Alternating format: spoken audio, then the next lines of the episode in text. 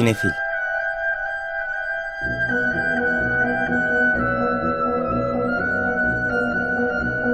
Hazırlayan ve sunanlar Melis Behlil ve Yeşim Burul.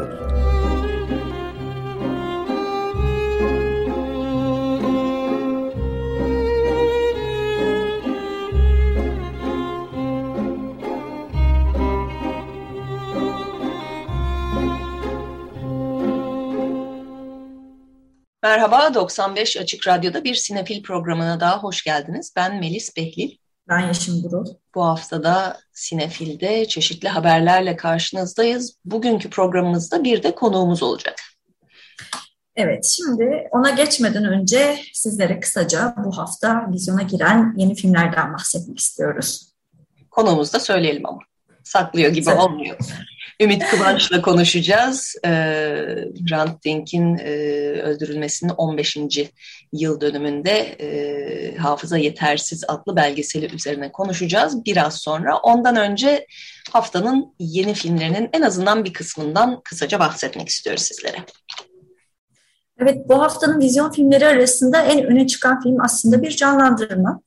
Ee, bir e, anime dünyasından gelen bir film Bell. E, aynı zamanda bu haftanın Cannes filmi. Her sene Cannes Film Festivali'nden her hafta böyle e, gelen filmleri söylüyoruz ama galiba ilk kez Cannes'dan böyle bir canlandırma bu hafta ön plana çıkıyor. Evet, Bel Mamoru Hosoda'nın son filmi. Bir önceki filmi Mirai ile Oscar adayı olmuştu. Seslendirenler Kaho Nakamura, Ryo Narita, Shota Sometani ve Tina Tamashiro. Ee, Film yani sırf çocuklara yönelik değil bir e, Japon animasyonu olarak büyüklerin de ilgisini çekebilecek bir yapım ama gençlere daha çok e, karakter açısından yönelik. Zira bir lise öğrencisinin hikayesini anlatıyor. E, çok çekingen ve aslında içine kapalı Suzu adındaki e, kız köyde babasıyla hayatını sürdürüyor. Ama bir yandan da bir sanal evrende ve milyarlarca kullanıcısı olan bir sanal evrende Bell adıyla bir şarkıcı olarak ünleniyor. Ve oradaki e, gizemli bir yaratıkla çeşitli maceralar yaşıyor ki orada da böyle bir Bell Elabet, güzel ve çirkin e, referansı da var. Kana ilaveten pek çok festivalde gösterildi. Bu seneki Annie e, animasyon ödüllerinde de en iyi bağımsız film, en iyi özel efekt, en iyi yönetmen, en iyi senaryo ve en iyi e, prodüksiyon tasarımı dallarında aday. Evet, güzel ve çirkinin postmodern bir uyarlaması da diyebiliriz belki siber alemde geçen. Bir nevi postmodern uyarlamalar deyince e, korku sinemasındaki postmodern çağı açan Scream, Çığlık tekrar döndü dolaştı ve beşincisiyle karşımıza geldi ama beş de denmiyor. Tekrar adı sadece Çığlık. İnanmazsınız 25 yıl geçmiş aradan. Yani e, hakikaten ilk Scream'i izleyeli. Üstelik e, bugün itibariyle vizyona girdiğinde yani 14 Ocak itibariyle ilk Scream'in vizyonunun üzerinden 25 yıl ve tam 25 gün geçmiş olacak. Oldu bile. Evet, e, bu sefer baş e, Yönetmenler tabii farklı çünkü Wes Craven e, birkaç sene önce hayatını kaybetti. Matt Bettinelli Olpin ve Tyler Gillett beraber yönetmişler. Başrolde Melissa Barrera, Kyle Gallner, Mason Gooding ve Mikey Madison genç jenerasyonu temsil ederken tabii ki yine Neve Campbell, Courtney Cox ve David Arquette de var. Evet, yani ve 25 yıl geçtiğini onları görünce de fark ediyoruz aslında. Evet yani aslında temelde hikaye aynı. Yine bir katil, e, cinayetler zinciri ve yine tamamen kendine referanslı ve bütün slasher korku alt türüne referanslı bir film. Çığlık sevenleri bu arada bayağı iyi eleştiriler alıyor ön gösterimlerden. Onu da söyleyelim sevenlerini mutlu ediyor gibi görünüyor. Evet, bu hafta bir de aksiyon filmi var vizyona giren. E, başrol oyuncuları itibariyle oldukça iddialı olmakla birlikte zannediyorum filmin kendisi e, bu isimlerin e, sunduğu e, şeyi tam e, potansiyeli yerine getiremiyor. Kod 355, The Code 355 Simon Kinberg yönetmiş. Başrollerinde Jessica Chastain, Diane Kruger, Lupita Nyong'o, Penelope Cruz, e, gibi isimler var. E, ama e, böyle beş kadından oluşan gizli servis, e, ajanlar, e, aksiyon hikayesi. E, ama tam olmamış sanki değil mi Melis? Evet yani e, farklı ülkelerin e, casusları e, bu karakterler. Ama yani dediğin gibi böyle bir türlü olamıyor ve bu kadınlara bakıp bakıp çok iyi oyuncularsınız burada ne yapıyorsunuz hissine e, söyledikleri ağızlarından çıkan hiçbir şeyden kendileri bile ikna olmamış halindeler. Ee, yani bu karakterler erkek de olabilirdi. Hani orada da hiçbir özelliği yok. Böyle bir farklı bir şekilde bu casusluğu e, yapma falan gibi bir e, düşünce de yok arkasında. Yine işte silahla dandun dalıp etrafa birilerini dövme halinde gelişiyor. E, bir bütün dünyayı tehdit eden bir silah var ama bu silah tek bir bilgisayar çipi gibi bir şey ve onu tek bir çok genç çok dahi biri yapmış. Yani böyle her şey bunu tek kurtarabilecek kişi, bunu tek işte üretebilecek kişi. Öyle bir dünyada yaşamıyoruz artık ve hani başından böyle ilk andan ya bu olmaz ki ama hissiyle bütün film devam ediyor. Ee, bu müthiş kadınlara da biraz yasak oluyor, e, yazık oluyor. Bir yandan da dünyanın dört bir yanında da çekim yapmışlar. Burada Kolombiya'dan başlıyoruz, işte Paris, Çin vesaire. O yüzden prodüksiyon açısından güzel ama e, hakikaten benim için bir hayal kırıklığı oldu. Kod 355. Evet, onun dışında bu hafta bir de e, yerli e, romantik komedi filmimiz var. E, ünlü oyuncu Hazal Kaya'nın başrolünde olduğu Benden Ne Olur? Murat Şener yönetmiş bu filmi de. E, başrolde Hazal Kaya, e, Onur Tuna ve Enis Arıkan eşlik ediyorlar. E, burada da kendi yolunu çizmek isteyen ama tam olarak kim olduğuna, ne olduğuna e, dan emin olamayan e, Sertab'ın e, hikayesi. Tabii Sertab'ı Hazal Kaya canlandırıyor. E, işte iş insanı mı olmalı, öyle mi olmalı, böyle mi olmalı ama bazı şeyleri de başaramayan e, çılgın, tatlı bir kadının hikayesi. Özellikle Hazal Kaya sevenlerin e, rağbet göstereceklerini tahmin ediyorum. Genç neslin e, sevilen oyuncularından Türkiye'de.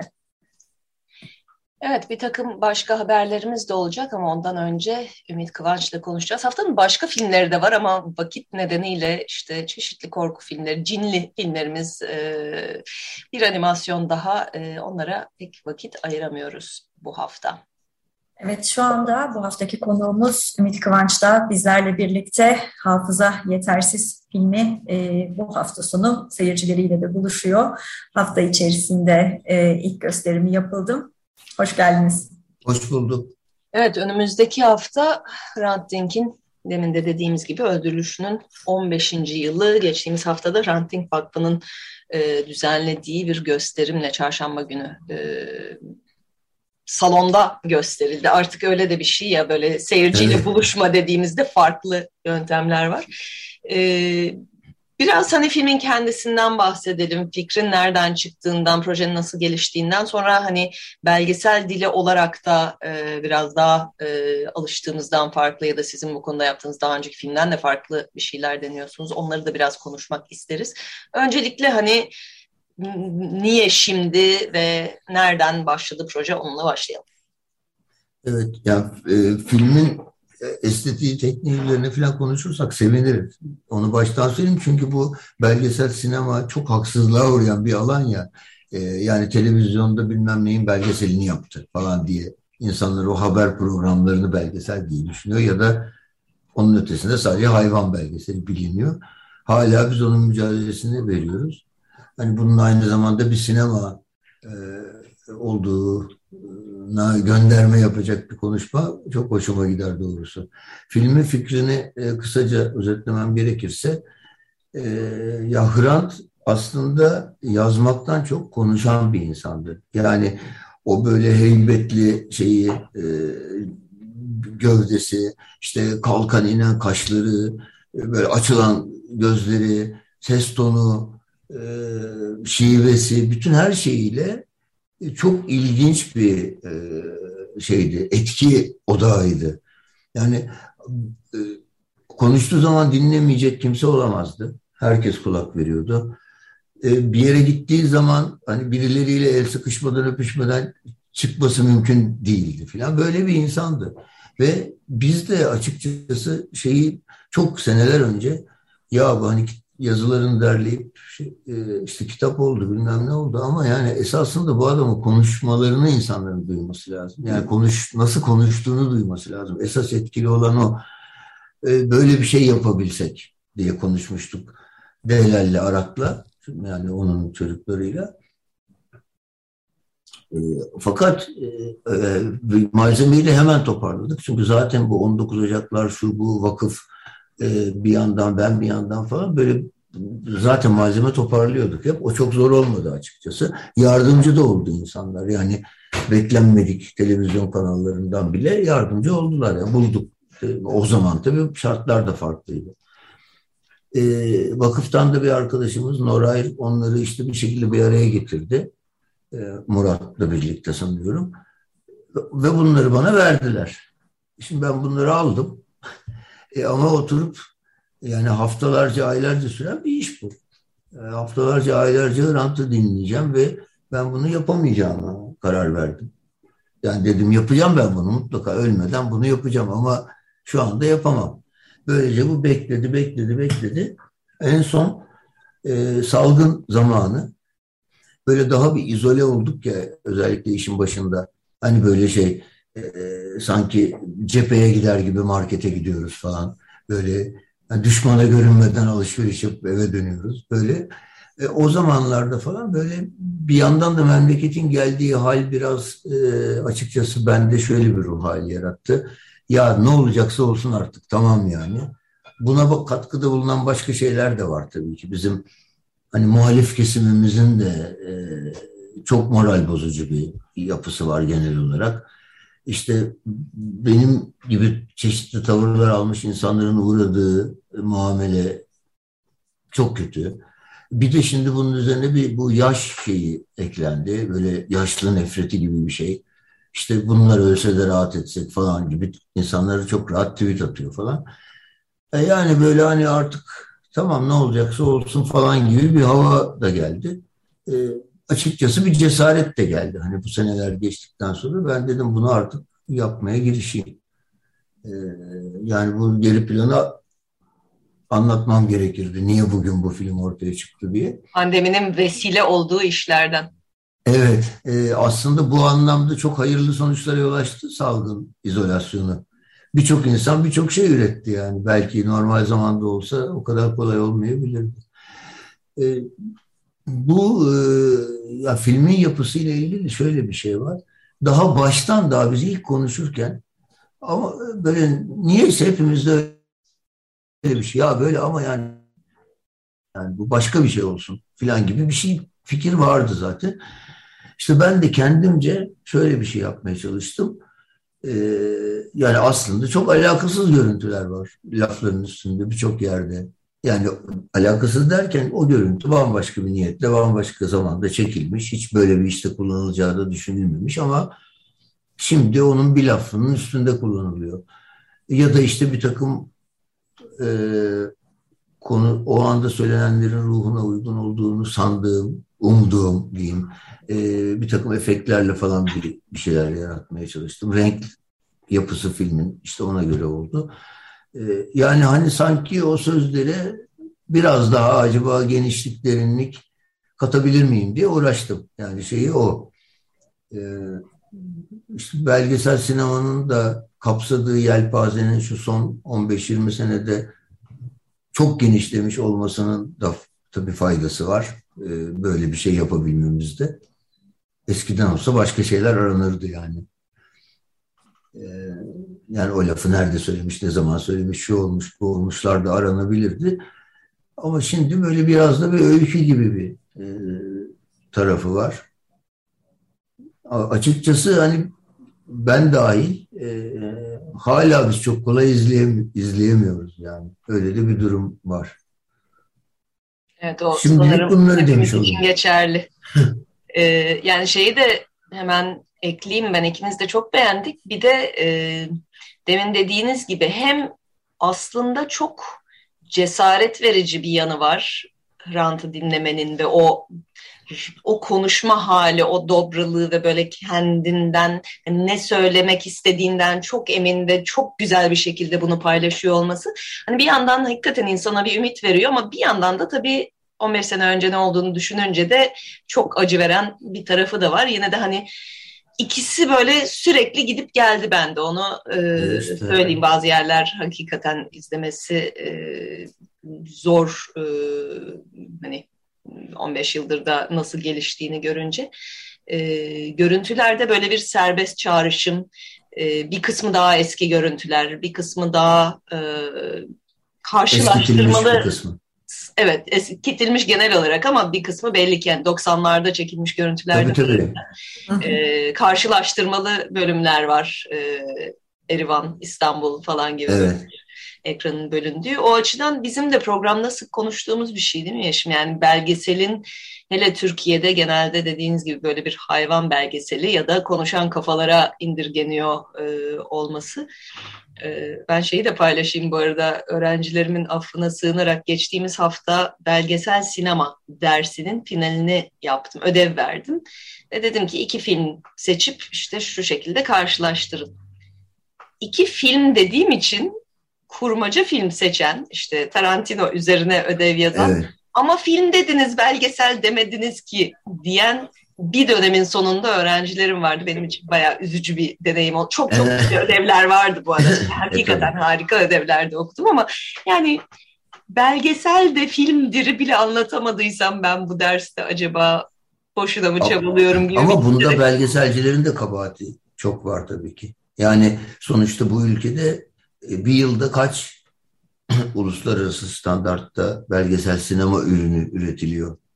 Yani onu da hesaba katmak lazım. Var, çok güzel e, belgesel filmler var. Türkiye'de yapılmış. Ya hakikaten dört başı mamur film çok. Onlar bir kere ortaya çıkamıyor. Yani insanlar onları göremiyor belgesel diye karşısında. Çünkü nerede görecekler? Değil. Yani şimdi bugün herkes bugünkü duruma bağlıyor bir sürü şeyi de. E canım bugünkü iktidar yapısı yokken de biz biliyoruz memleketleri. Ben Kızlar ve Kökler filmini yaptım. Benim ilk yaptığım filmlerden biri. İşte herkes çok etkileniyordu falan böyle kızların o hayat doluluğundan, şundan bundan. Arkadaşım, ya ahbabım aradı beni. Çok, çok güzel olmuş eline sağlık diye. Televizyon kanalının yöneticisi adam arayan. yani güzel olduysa al göster. Yani yok öyle bir şey. Ee, evet.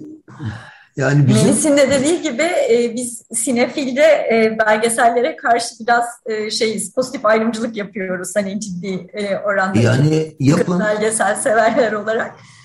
E, ya şöyle bir şey söyleyeyim. Biz Bildir evet. Belgesel diye bir şey düzenledik festival. Sonra çeşitli e, imkansızlıklar nedeniyle düzenlenemez oldu. Ya orada her sene birkaç yüz tane film geliyor dünyanın her yerinde. Ve olağanüstü güzel şeyler oluyordu işlerinde. Yani ne bileyim Çin'in kırsal alanından bir ailenin hikayesi gibi bir şey oluyor ama çok güzel yapılmış. Sen onu büyük bir merakla izliyorsun. Çünkü belgesel esas olarak insanlarla ilgili bir şey ve insanlarla ilgili her şeyi merak ederiz insanlar olarak. Böyle bir doğal eğilimimiz var yani. Bunun için güzel ve özendirici bir şeyler olması lazım karşımızda. O da yok çünkü televizyon kanalları hiç yanaşmıyor. Şimdi ben düşünüyorum mesela benim yaptığım filmleri hangi televizyon kanalı ne zaman gösterirdi? Roboski'yi mi göstereceklerdi? Yani neyi 16 tonu mu neyi göstereceklerdi? Göstermezler yani hiçbir şekilde. Öyle bir şey yok Türkiye'de. Öyle bir nasıl diyeyim? Hani gerçek yok yani. İnternet o açıdan bizim için çok iyi oldu. Orada da şöyle bir ayrım oldu. Ee, bir kısım arkadaşımız diyor ki ya bu kadar uğraşıyoruz, didiniyoruz. Hani üç kuruş, beş kuruş oradan işte bulup bir şeyler yapmaya çalışıyoruz. E sonra koy oraya işte beş dakika seyredip kapatsın bilmem ne olsun ya da gitsin tuvalete film oynarken hani hiç değilse bir gelip bari oturup filmi izlesin izleyecek olan. E, o da festival demek ya da işte özel gösterim demek. Zaten kaç tane yapabilirsiniz? Nerede yapabilirsiniz? İşte kaç kişi gelir filan. Ee, yok yani belgesel yok sayılıyor. Özel sektör açısından da desteklenmesi çok riskli bir şey. Şimdi bilmem ne konusunda, İstanbul konusunda belgesel yapıyor. Tamam da neden bahsedeceksin sen? Şimdi benim iktidarla aramı bozar mı falan. Ve şunu ısrarla vurgulamak isterim. Bunlar bu döneme özgü değil. Yani bu dönem her şey daha kötü ama ya kötüyken daha kötü. Hiçbir zaman bu konuda elverişli bir durum olmadı. Hep, hep böyle şey oldu, üvey evlat. Yani festivallerde mesela belgesel kısımları var. Ya oraya bazı birkaç kere gittik işte konuk olarak falan filmlerimiz oynadı. Ya orada bile başka bir muamele görürsün böyle. İşte bunlar da mecburen hani ciddi gözükelim diye bunları da çağırıyoruz falan gibi bir şey vardır. Hep öyledir ya. Neyse yeterince yakındım size bu e, soru şansı vereyim.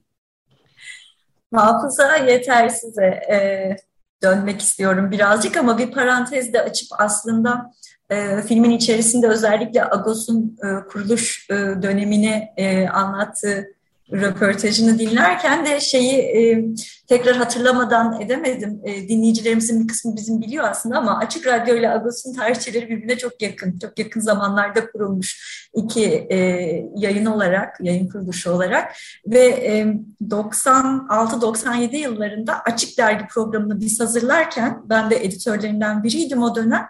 E, azınlık gazetelerine köşe verelim demiştik ilk kez ve ilk o zaman rantın kapısını çalıp biz Agos'u da istiyoruz. Yani işiniz çok, çok uğraşıyorsunuz, çok koşuşturuyorsunuz ama bize haftada bir, bir 10-15 dakikalık bir köşe yapar mısınız dediğimizde tabii ki seve seve e, diyerek koşması e, ilk e, şeyde açık radyoda Agos'u ilk o zaman dinlemeye başlamıştık. Şimdi artık Radyo Agos'a dönüştü. Evet. E, hafta sonu bir saat keyifle dinliyoruz ama bir taraftan da e, hayatta olduğu, bizimle birlikte olduğu zamandan e, bir açık radyocu olduğunun da altını tekrar çizmek istiyorum burada.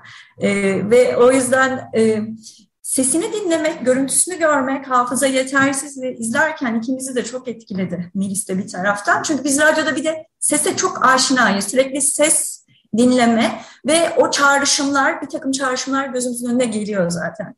Ee, siz belgeseli kurgularken yani kafanızda oluştururken de belli ki benzer bir yerden yola çıktınız ama sonuçta o anlatıyı oluştururken e, tercih ettiğiniz, dikkat ettiğiniz belli şeyler oldu mu? Onun konuşmalarıyla yoksa daha serbest akışa mı bıraktınız? Görüntü seçme ve görüntüleri çeşitli filtrelerle manipüle etmeden.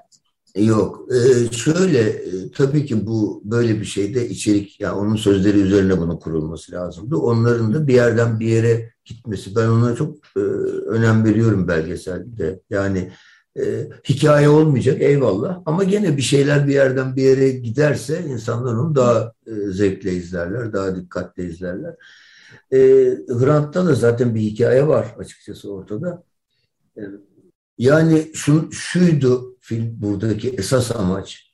Ya bu adam ne diyordu kardeşim? Ne neydi yani? Hrant Hrant tamam diyorsunuz da hani neydi yani bu? Diyen birine cevap vermekti ve tabii kalmasıydı bunun. E, dün akşam Arap çok güzel bir şey söyledi. Bana teşekkür etti. Şu nedenle teşekkür etti. Kendi çocuklarını yani Hrant'ın torunlarını arkeolojik kazı yapmaktan kurtardığımı e, söyledi ve hani neydi babam işte buradan çok iyi anlayacaklar şimdi dedi. Yani aslında muradımız oydu. Yani bu adam ne diyordu ya? Neydi yani? Özelliği neydi bu adamın? Tamam gazete çıkardı işte Ermeniydi, şuydu, buydu, solduydu ama başka bir şey var ortada. Bu adam e, ünik, biricik bir pozisyonu temsil ediyor. Bu çok önemli bir şey yani. Ben Türkiye'liyim kardeşim. Ben bundan vazgeçmem. Burası benim memleketim. Ve ben buradaki insanlarla beraber yaşamak istiyorum. Türklerle. Bu da ayrıca bir Ermeniye iyi gelen bir şey. Çünkü nefretle yaşamıyorsun. Kendini de tedavi ediyorsun. Çünkü şunu görüyorsun. iyi insan da var, kötü insan da var. Başka türlü bakmaya başlıyorsun. Ama ben atalarıma yapılan işi de adını koymadan işte onun e, hesabını sorma bundan da vazgeçmem. Evet biz soykırıma uğradık. Bu ülkede biz yaşıyorduk. Bizi öldürdüler, sürdüler, malımızı, mülkümüzü gasp ettiler. Bütün bunlar oldu. Tamam peki şimdi ne yapacağız? Şimdi biz bunun nefretiyle yaşayamayız. Başka bir yol bulmamız lazım. Bunu anmadan, e, zikretmeden, işte hatırasını yaşatmadan yaşayamayız. Bu çok ayıp bir şey olur. Vicdansızlık, saygısızlık, şahsiyetsizlik olur. Ama bugün de yaşamamız lazım ve bizim Türklerle beraber yaşamamız bu konuda bizim için aslında bir şans olabilir. Ama tabii bu aynı zamanda bir çağrı. Karşı tarafta buna göre bir şey yapınca bu ancak olacak. Biz yani Türkler tarafını düşünürsek bu çağrıya nasıl cevap verdik? Adamı öldürerek. Bu kadar basit aslında. Konu bu yani.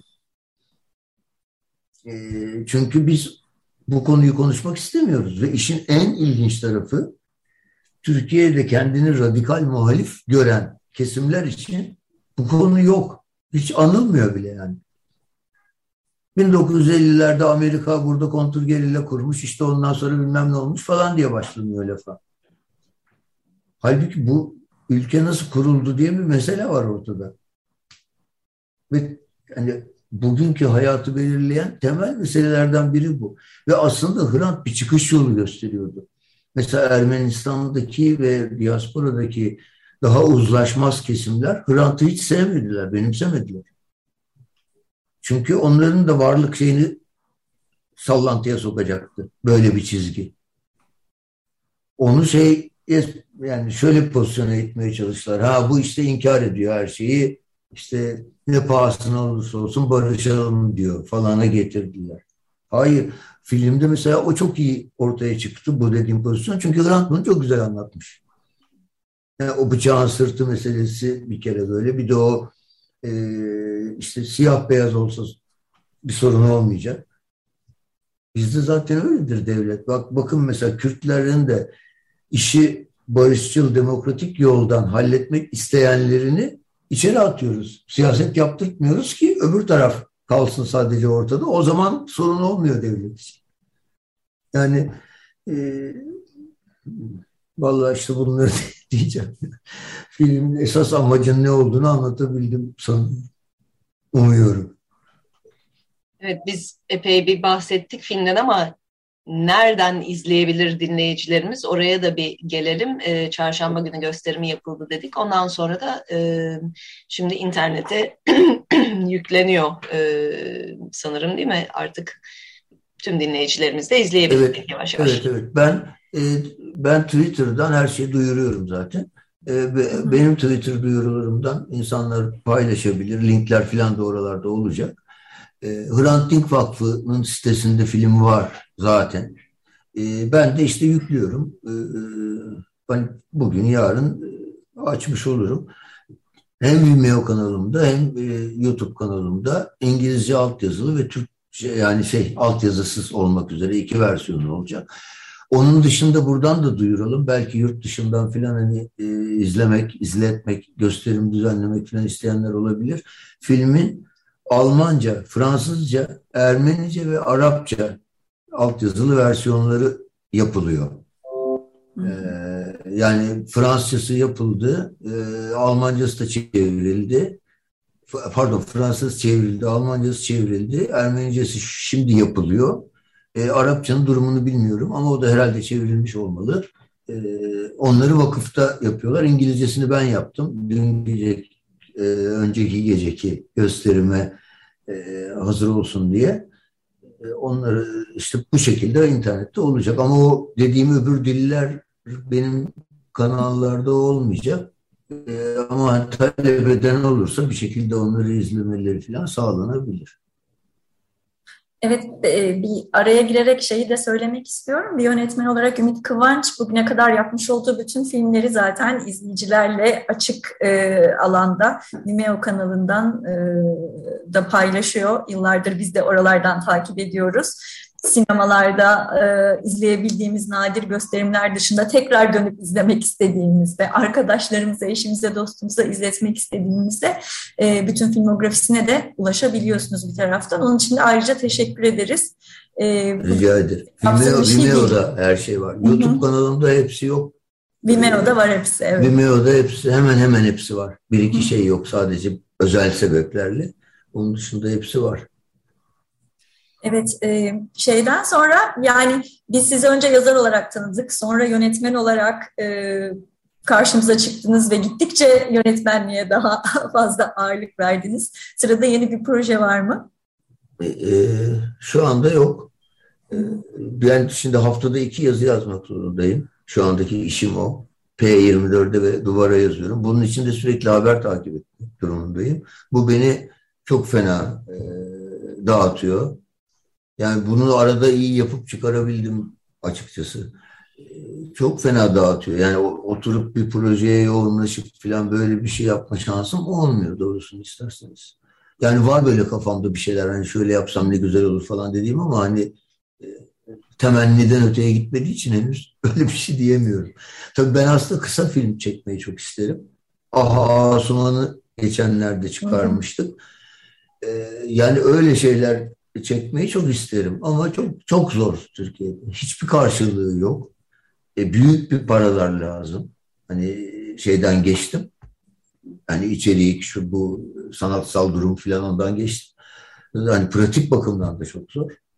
İşte bilmiyorum yani bu belgesel e, yani ne diyeyim sanat sanatla karışık belgesel sinema falan gibi bir hat aslında belki bana da daha uygun. Evet, elinize sağlık. Ee, demin de söylediğiniz gibi e, hafıza yetersiz e, Hrant Dink Vakfı'nın web sitesinde ve Ümit Kıvanç'ın e, YouTube'de Vimeo sayfalarında da olacak. E, umarız çok da uzun vaktinizi almaz bir sonraki projeye kadar. Onu da e, tekrar konuk ederiz. E, belki şeyi de araya sıkıştırayım, kurgularsınız. E, bu e, filmin adının ortaya çıkışı konusu biraz ilginç bir konu çünkü. Filmde bir ara böyle bir Hrant masasında gazete okurken gördüğümüz bir e, şey var, bir sekans var. Şöyle bir gazeteyi karıştırıyor. O arada da arkasında eski Macintosh dikey ekran var açık. Bir ara o ekrana böyle hafifçe yaklaşıyoruz. Orada ama tam tam da okuyamıyoruz. Çünkü görüntü şey daha düzelemedi yani. Orada ekranda bir tane alert var, uyarı e, var. Orada diyor ki memory too low for Word. Yani Word programını açamadığını bilgisayar aslında bildiriyor. Ama ben onu for Word gibi e, bir okudum yani. Ve aslında işte yani bu aslında Hrant'la ilgili söylememiz gereken laf e, diye düşündüm. Yani onun onun sözlerini alabilmemiz için bizim bizde de bir hafızanın olması gerekiyor. Ee, aslında şu anda bunları söylerken de bu random access memory ya RAM, geçici hafıza. O bize belki daha uygun bir şey. Kalıcı bellekten. o da aklıma geldi. Neyse uzatmayayım. Bunda e, bir şey hoşluk olsun diye araya katayım dedim. Ben yakaladım arada bu arada filmde. Evet, öyle mi? Evet, evet. İşte aslında bunu umuyordum. Çok sevindim. Hani böyle çünkü bunu yakalayan yakalayacak ve yakalarsa da çok zevk alacak diye düşündüm. Evet. İyi demek ki o yakalanabiliyormuş. Güzel. Evet. O zaman hem kişisel hem de toplumsal belleğimizde e, daha çok yerlerin açıldığı e, ve Hrant'ın anısını sonsuza kadar yaşatacak yerlere e, alana e, açtığımız e, şeyde bence bu film de önemli bir e, şey oldu. Lokomotif. E, özellikle gelecek nesillere yani orada. Allah inşallah. Söylediği çok doğru. E, İnternette koymanın bir de şöyle bir tarafı var. Artık kimse yok edemez. Ne yaparlarsa yapsınlar kimse yok edemez. Yani bir kere orada gözüktükten sonra artık kimse yok edemez. Tekrar emeğinize çok sağlık. Teşekkür Size ederim. Çok Size teşekkür de kolay ediyoruz. gelsin. İyi yayınlar. Teşekkür ederiz. Çok teşekkürler. Konuğumuz Ümit Kıvanç'tı. Ee, başka haberlerle devam ediyoruz programımıza. Bu hafta dediğimiz gibi bol haberli e, bir hafta. E, ödül sezonunu da açtık. Bir yandan İstanbul Film Festivali'de yaklaşırken e, o da sinema onur ödüllerini belirledi ve duyurdu geçtiğimiz hafta.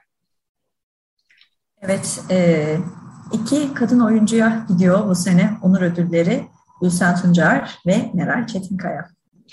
Açılışta verilecek 7 Nisan gecesi 41. İstanbul Film Festivali'nin açılışında onur ödülleri sahiplerine sunulacak. Umarız kapalı bir ortamda hani bu kadar da endişelenmeden yapılacak bir törende diye ekleyelim hemen e, ödüller deyince bir de Siyad'ın e, en iyi yabancı film seçimi geçtiğimiz hafta belli oldu.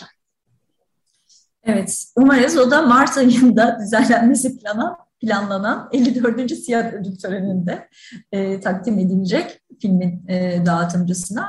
E, en iyi yabancı filmleri oyladık aslında. 2021 yılında vizyona girmiş olan filmlerden izlediklerimiz arasında ve birinci sırayı e, Baba, The Father filmi aldı. Florian Zeller'in filmi zaten ikimizin de listesinin tepesindeydi. Hatta Siyah'da verdiğimiz listenin de bir numarasındaydı. Bu e, ödülde bizim de oyumuz olduğunu bilmek hoş. E, evet iki yıldır tören yapılamadı yüz yüze. Online gerçekleşti. Umarız bu sene olabilir. E, ilk 20 listesi açıklandı e, tarafından. E, ilginç bir şekilde 2 ve 3'te de Fransız filmleri var. Titan ve Anet. Ardından da İsviçre filmi yine Fransızca e, Küçük Anne Petit Maman geliyor. Evet, ondan sonra Yeşil Şövalye, The Green Knight, e, Druk, Kör Kütük, e, Danimarka filmi, e, Edgar Wright'ın Last Night in Soho'su, Dün Gece Soho'da ve The French Dispatch, Fransız Postası.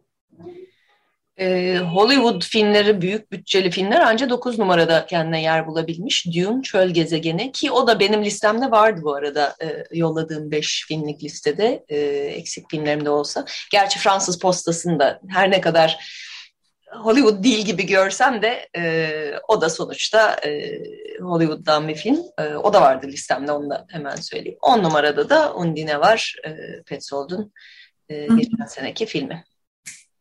E, 11'de The Lost Daughter, Karanlık Kız. Ondan sonra A Night at the Louvre, Leonardo da Vinci. Louvre Müzesi'nde Bir Gece, Leonardo da Vinci filmi.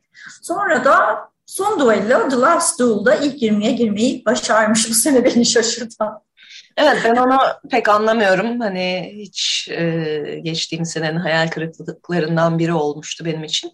Ama 14 numarada kolektif var. O da Ki benim ilk beşimdeydi bu sene. Evet benim de e, geçtiğimiz sene yıl sonundaki programda paylaştığımız listeye ben koymayı unutmuştum ama SİA'da koy, yolladığım listeye e, yetiştirdim.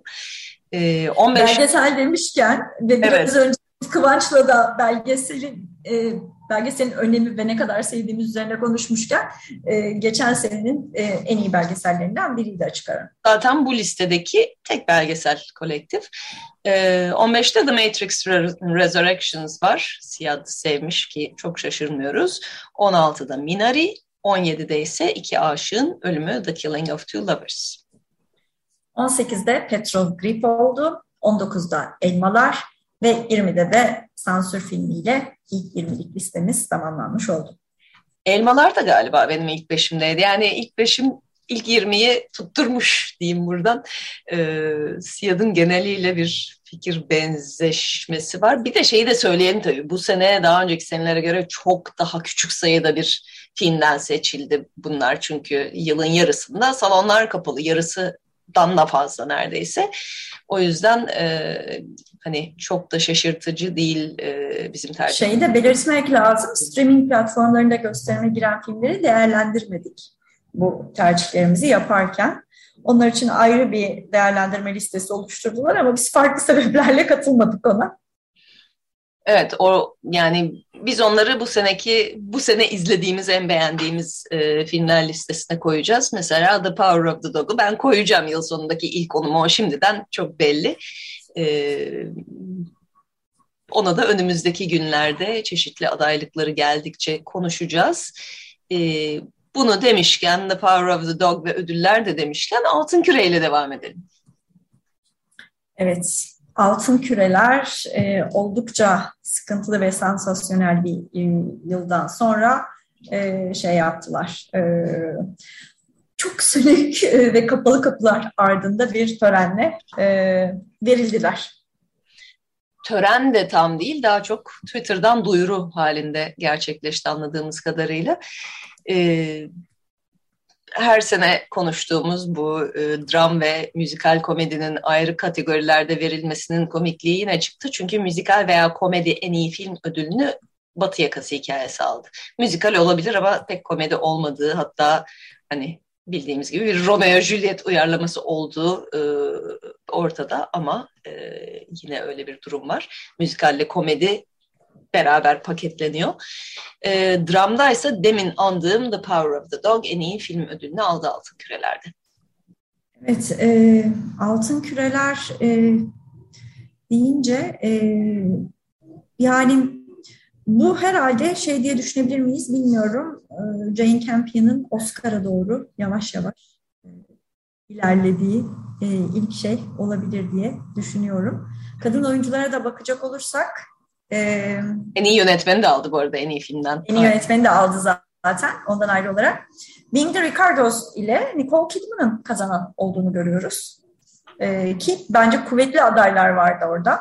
Ben Ricardos'u henüz izleyemedim. Sen izledin sanıyorum. Ben izledim. İyi de bir performans ama hani çok fazla Nicole Kidman görüyorum hala her baktığımda. E, bu şeylerin e, biyografilerin bir dezavantajı da o olabiliyor. Çok tanıdık bir surat olunca e, ben biraz zorlandım e, oraya oturtmaya. E, ama Golden Globes star sever. Bunu hep söylüyoruz zaten. E, komedide potansiyel bir stara verdiler. Yine West Side Story, Batı Yakası hikayesini çok beğenmişler belli ki. Hem kadın oyuncu müzikal veya komedide hem de e, yardımcı kadın oyuncu Batı Yakası hikayesine gitti. Rachel Zegler ve Ariana DeBose. Evet, e, erkek oyuncuda ise drama kategorisinde Will Smith'in ön plana çıkmış olması biyopikleri seven e, altın kürelere tekrar işaret ediyor sanki. E, ki müzikal ve komedide de öyle. Andrew Garfield orada da Tic Tic Boom'la aldı. Will Smith King Richard'la aldı. Ee, yardımcı... Tic Tic Boom bu arada bu sene yani daha çok konuşmamız gereken bir film olduğunu düşünüyorum kesinlikle. Ve Siyad'ın ilk 20'sine girmediği için de üzülüyorum. Sadece Netflix'te gösterime girdiği için mesela. Yani seneye muhtemelen o da ikimizin de ilk onunda olacak. Onu da hemen söyleyelim. Tic Tic Boom e, henüz izlemediyseniz e, Jonathan Larson'ın hayatının son seneleri e, özellikle müzikal sevenler için ama hani film olarak kendi başına çok e, hakikaten çok da keyifli izlemesi. Andrew Garfield da çok çok iyi. E, yardımcı erkek oyuncuyu da Cody Smith McPhee almış The Power of the Dog ile. O da müthiş bir performans. E, yani çok şaşırtıcı. Değişik bir tipi yok mu o oyuncunun? Evet. evet. E, zaten hani The Power of the Dog'da da bütün bedenini kullanışı, yürüyüş, yani bir yürüyüş sahnesi bence filmin zaten e, böyle merkezinde oturan bir sahne. Çok çok iyi. E, ki yani The Power of the Dog'u ayrıca konuşalım çünkü Benedict Cumberbatch e, eğer Oscar'ı Will Smith'e kaptırırsa ben çok üzüleceğim. e, senaryoda Belfast, Kenneth Branagh'ın e, o da çok şaşırtıcı değil. Belfast'ın başka hiç ödül almaması belki ilginç. E, animasyonda Encanto, yabancı filmde de Drive My Car Japonya'dan. Evet, Drive My Car tüm uzunluğuna rağmen galiba yine de e, seyirciye ulaşabilen filmlerden biri oldu günün sonunda. Birazcık uzun bir film olarak konuşuluyordu ama. Ben henüz görmedim onu ama evet bu senenin yabancı e, ilk beşine Oscar'larda kalacağı belli gibi zaten. 3 saat. Evet. E, olabiliyor öyle. Televizyondan da çok kısaca bahsedecek olursak e, dramada Succession, komedide Hacks, e, mini dizilerde de e, The Underground Railroad aldı ödülleri. Evet, e, üçü de değişik zamanlarda konuştuğumuz filmler. Succession'ı zaten biz birkaç senedir böyle övmelere doyamıyoruz buradan. E, yani insan bazen e, pek çok filmden, izlediğimiz pek çok filmden çok daha iyi bir e, hikaye anlatıcılığı olduğunu söyleyebiliriz. Succession'ı tekrar söylemek istiyorum. Hex bu sene benim için en önemli sürprizlerden biriydi e, zamanın ruhunu çok iyi yakalayan e, ve çok iyi oyunculuk performanslarıyla çok eğlenceli, çok keyifli bir komedi dizisi. E, Ted Lasso ise e, herhalde pandemi döneminin de hepimize böyle bir şey gibi, pamuk şekeri gibi gelen o depresyonun içerisinde bir kurtarıcı eli gibi uzanmış olan e, bir dizi demek mümkün. E, evet. Lasso, E, almasa da e, dizi ödülünü almasa da en iyi erkek oyuncu Jason Sudeikis aldı. Aldım. Underground Railroad da bu sene bence hakikaten seyircilerle buluşan e, en sıra dışı yapımlardan biriydi. Hikaye ayrı ilginç. Bir de onu e, uyarlanma biçimi de çok etkileyiciydi. O da bu seneki tavsiyelerimizden biri olarak dursun bir kenarda. Şimdi Succession demişken oradan da SAG adaylıklarına e, geçelim. Çünkü e, Oyuncular Birliği Succession'ı çok sevmiş. E, zaten açıklandı evvelsi gün ve bir anda Twitter birbirine girdi. Ee, hani dizilerde o kadar sürpriz yok. Succession'ı beğenmeleri bekleniyor. Erkek oyuncu adaylıklarında beş adaylığın üçünün Succession'dan gelmesi çok da şaşırtıcı olmayabiliyor ama film adaylıklarına baktığımızda herhalde en büyük şok burada Kristen Stewart diye düşünüyorum. Benim için öyle oldu çünkü Spencer'la Oscar'ın önde gelen adayı gibi konuşulurken Oyuncular Birliği'nde aday bile değil ve şimdiye kadar bu SEG ödülleri verilmeye başladığından beri SEG adayı olmamış bir e, oyuncu Oscar alamamış. Yani o açıdan ben gerçekten üzüldüm. Çünkü Spencer bence gerçekten çok ilginç bir film ve e, Kristen Stewart da e, Prenses Diana'yı canlandırma konusunda müthiş bir performans sergiliyor. Yani daha önce de söylemişimdir belki fiziksel olarak Dayana'ya benzememesine rağmen o kadar güzel canlandırıyor ki onun ses tonundan duruşu, başına eğişi, vücut dili vesairesi hakikaten onun Dayana olduğuna ikna oluyoruz. Çok oluyoruz. O yüzden e, bir de artık sanki zamanı da gelmişti. Arka arkaya çok iyi projeler seçti, çok iyi oyunculuklar sergiledi. E, sezona da aslında çok kuvvetli başlamıştım. E, o yüzden bu sak e, kategorileri e, şey oldu. Hakikaten şaşırtıcı bence de.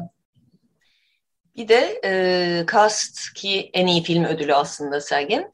O da şaşırtıcı oldu. E, the Power of the Dog olmadığı gibi e, yani House of Gucci ve King Richard'ın buraya girmesi hakikaten bu sene oyuncuların abartılı performanslara e, mail ettiklerini gösteriyor. Oscar'lar için niye önemli sen? Çünkü Oscar'ların içindeki en büyük endüstri grubu oyuncular.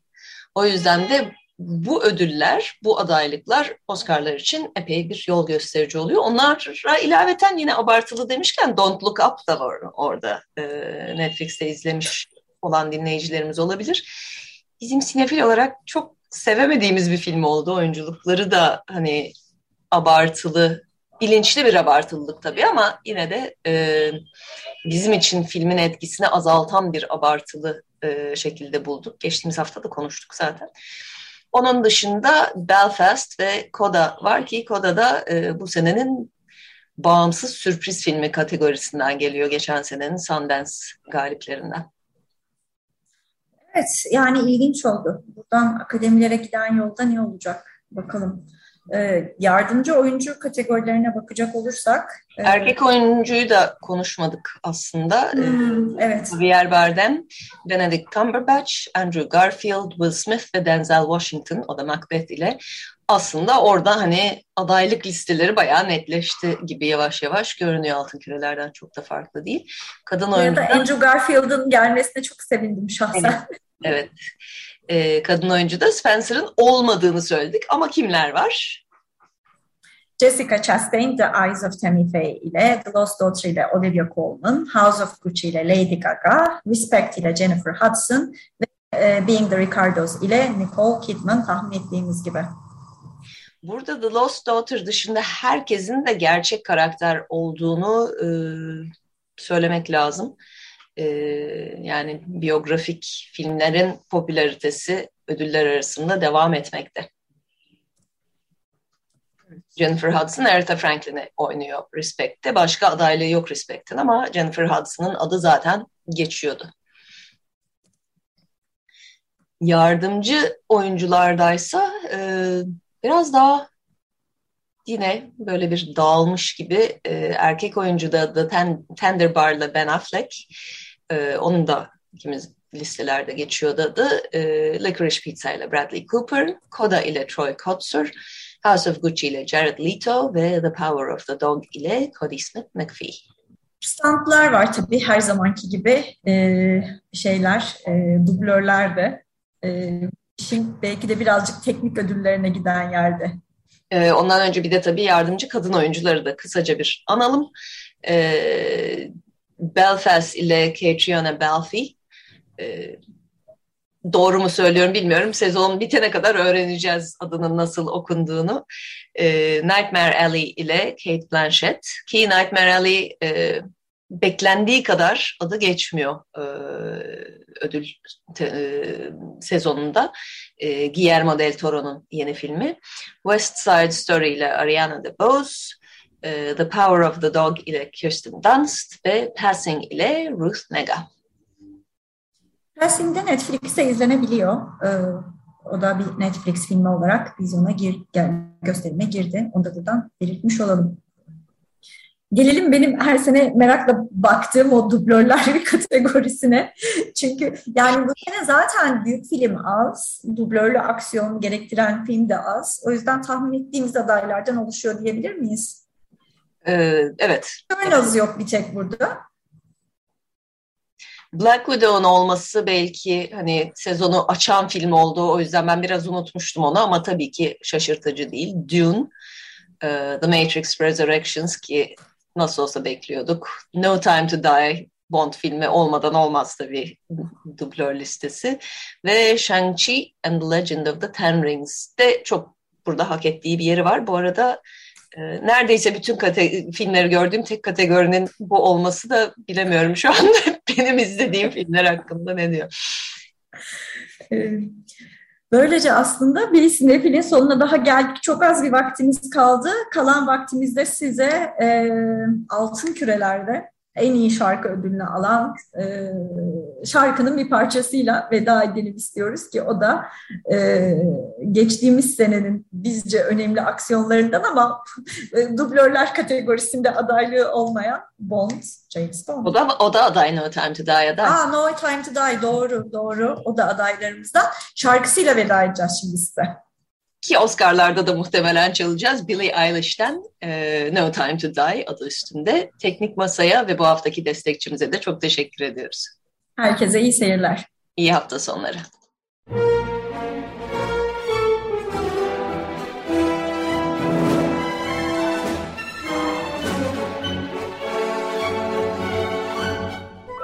Sinefil